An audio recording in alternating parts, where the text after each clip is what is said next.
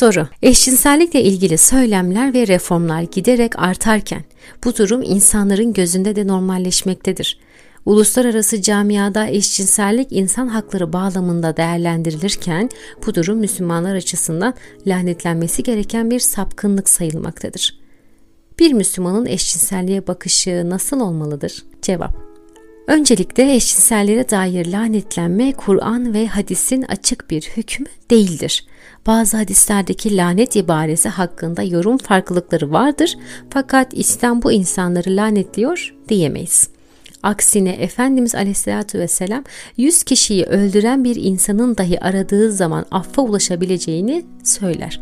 Kendisine müşrikler için beddua edip onları lanetlemesini söyleyenlere de ben rahmet olarak gönderildim, lanetleyici olarak değil buyurur. Allah'ın rahmetinden mutlak olarak uzaklaşma anlamındaki lanet ibaresini biz neredeyse bir tek şeytan için kullanıyoruz. Çünkü onun için hüküm kesinleşmiştir. Ayrıca açık bir şekilde zalim bir kafir olarak öldüğü bilinen Ebu Cehil, Ebu Leheb gibi kişiler için de kullanırız. Diğer yandan zulmü açık ve net bir biçimde ortaya çıkmış Yezid içinde Yezid'e lanet okumak caizdir gibi hükümlerin verildiğini görüyoruz. Dikkat ederseniz Yezid'e lanet okumanın caiz olduğunu düşünen ulema da lanet okumaya farzdır, vaciptir dememiştir. İşin bir başka yönü insanların farklı dönemlerde ve farklı kültürlerde farklı şeyleri normalleştirmeleriyle ilgilidir. Hristiyanlığın ilk dönemlerinde tesettür son derece önemli olduğu halde bugün önemsizleşmiştir. İnsanlara bugün normal gelen şeyler yarın anormalleşebilir, bugün garip gelen şeylerse yarın normal gibi görünebilir. Farklı bir nokta olarak İslam'ın emir ve tavsiyelerinin topluma bakan yönleri de vardır. Fert olarak insanın bir toplum içinde birey olarak manevi açıdan teraki etme şansının kalmaması veya bu fırsata ket vurulması gibi ihtimaller nedeniyle İslam'ın topluma bakan bazı emir ve tavsiyeleri olmuştur. Bir yerde müminler belli bir çoğunluk oluşturursa veya kendi başlarına hakim olabilirlerse meseleyi toplumsal ve idari sistemi tamamen uhrevi terrakiyi hızlandıracak biçimde ayarlayabilirler. Örneğin bilgisayar mühendisi okuyan birkaç dindar arkadaş aynı evde kalsalar, kendi aralarında günlük planlarını yaparken gece belli bir saatte teheccüde kalkma, sabah namazından sonra bazı duaları okuma, her gün Kur'an'dan belli bir bölümü okuyup mealini müzakere etme, bireysel olarak dua paylaşma, evde televizyon bulundurmama, harama bakmama konusunda birbirlerini kollama gibi unsurlara planları içinde yer verebilirler. Fakat bu arkadaşların bu şekilde davranmaları dünyadaki bütün öğrencilerin bu şekilde davranmalarını zorunlu kılmaz ve o öğrenciler böyle bir yaşam tarzını herkese dayatamaz. Bazı Müslümanlar kendileri için gelen bir takım emirleri tüm insanlığa gelmiş gibi yorumlamış olabilirler. allah Teala tüm insanların böyle davranmasını istiyor ve bizim de insanları bu davranışa zorlamamızı emrediyor gibi anlayabilirler. Bu anlayışı din adına savunmak makul görünmemektedir. Örnek verecek olursak, Kur'an bir kadının kadın olması hasebiyle kendisine verilen bazı yönelimleri kontrol etmesi çerçevesinde ve onun manevi terakisine mani olmaması için kendisini belli durumlarda kapatma, varlığının cinsel boyutunu gizleme emri vermiş olabilir. Ama bu durum esasda o kadının kendi terakisine dairdir. Böyle bir emir kendine has özellikleri bağlamında erkekler için de verilmiştir. Kadınların cinsiyet farklılığına dayalı bazı psikolojik yönelimleriyle ilgili küçük farklar nedeniyle farklı hükümlerin varlığı söz konusudur.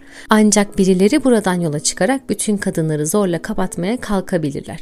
Fakat İslam'ın gördüğünüz her kadını zorla kapatın gibi bir emri olduğunu söyleyemeyiz. Kim bu dünyada varlığın bir anlamı olduğuna, allah Teala'nın bizi manevi açıdan terakki etmemiz için belli imtihanları tabi tuttuğuna inanıyor ise, bazı eğilimlerimizi bir açıdan ket vurmamız veya onları yönlendirmemiz gerektiği gerçeğine kulak vermelidir. Eşcinsellik konusunda İslam'ın emir ve tavsiyeleri bellidir eşcinsellik dinimizce yasak edilmiştir. İslam cinsellik konusunda insanın o yönünün sadece nikahlı olduğu kişiye mahsus kılınması gibi bir takım sınırlamalar getirmiştir. Ancak bu sınırlamalar bu yolu seçmiş, buna inanmış, bu çerçevede ilerlemeye çalışan insanlara hitap etmektedir. Bu bağlamda Örneğin alkol bağımlısı bir insan ben tövbe edip Allah yolunda ilerlemek istiyorum ne yapayım diye sorsa önce içkiyi bırakmasını söyleriz. Hemen bırakamıyorum derse azaltmasını söyleriz. Daha sonra namazı önemsemesini ve namaz kılmaya başlamasını, sarhoş halde namaz kılmamasını söyleriz ve bu böyle gider.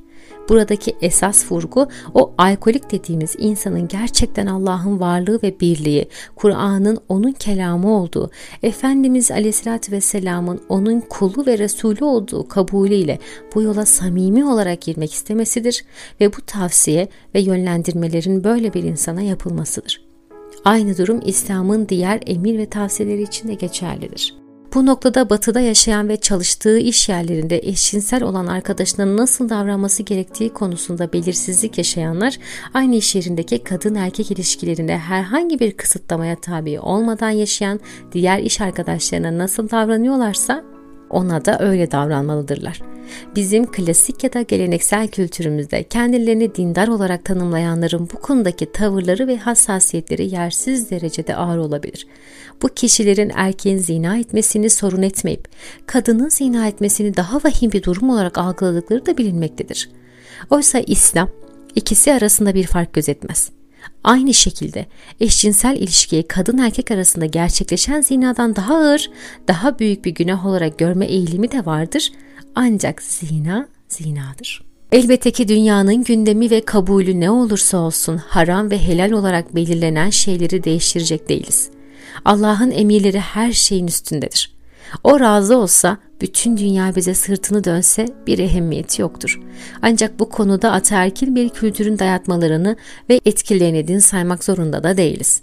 Efendimiz Aleyhisselatü Vesselam'ın açıklığa yol ve yöntemle Allah'a ulaşmak ve terakki etmek isteyen insanlar için durum oldukça açık ve nettir. Bu konuda İslam'ın hükümleri bellidir ve biz temelde çatışmaz, kavgasız, gürültüsüz bir şekilde beraber yaşama kültürünü savunmaktayız. Çünkü bu konuda ya Hitler'in Yahudilere yaptığı gibi bu yönelimdeki herkesi yok edeceksiniz ki bu büyük bir zulümdür ve savunulacak bir tarafı yoktur ya da beraber yaşamanın yollarını araştıracak, bulacak ve uygulayacaksınız. Bu kaideyi insanların farklı düşündükleri ve farklı davrandıkları her konu için tatbik edebilirsiniz. Allah'tan hepimizin ilmini, imanını, yakinini, haşyetini, muhakemesini, aklını, ihlasını ve duygusal kalitesini artırmasını dileriz. Müzik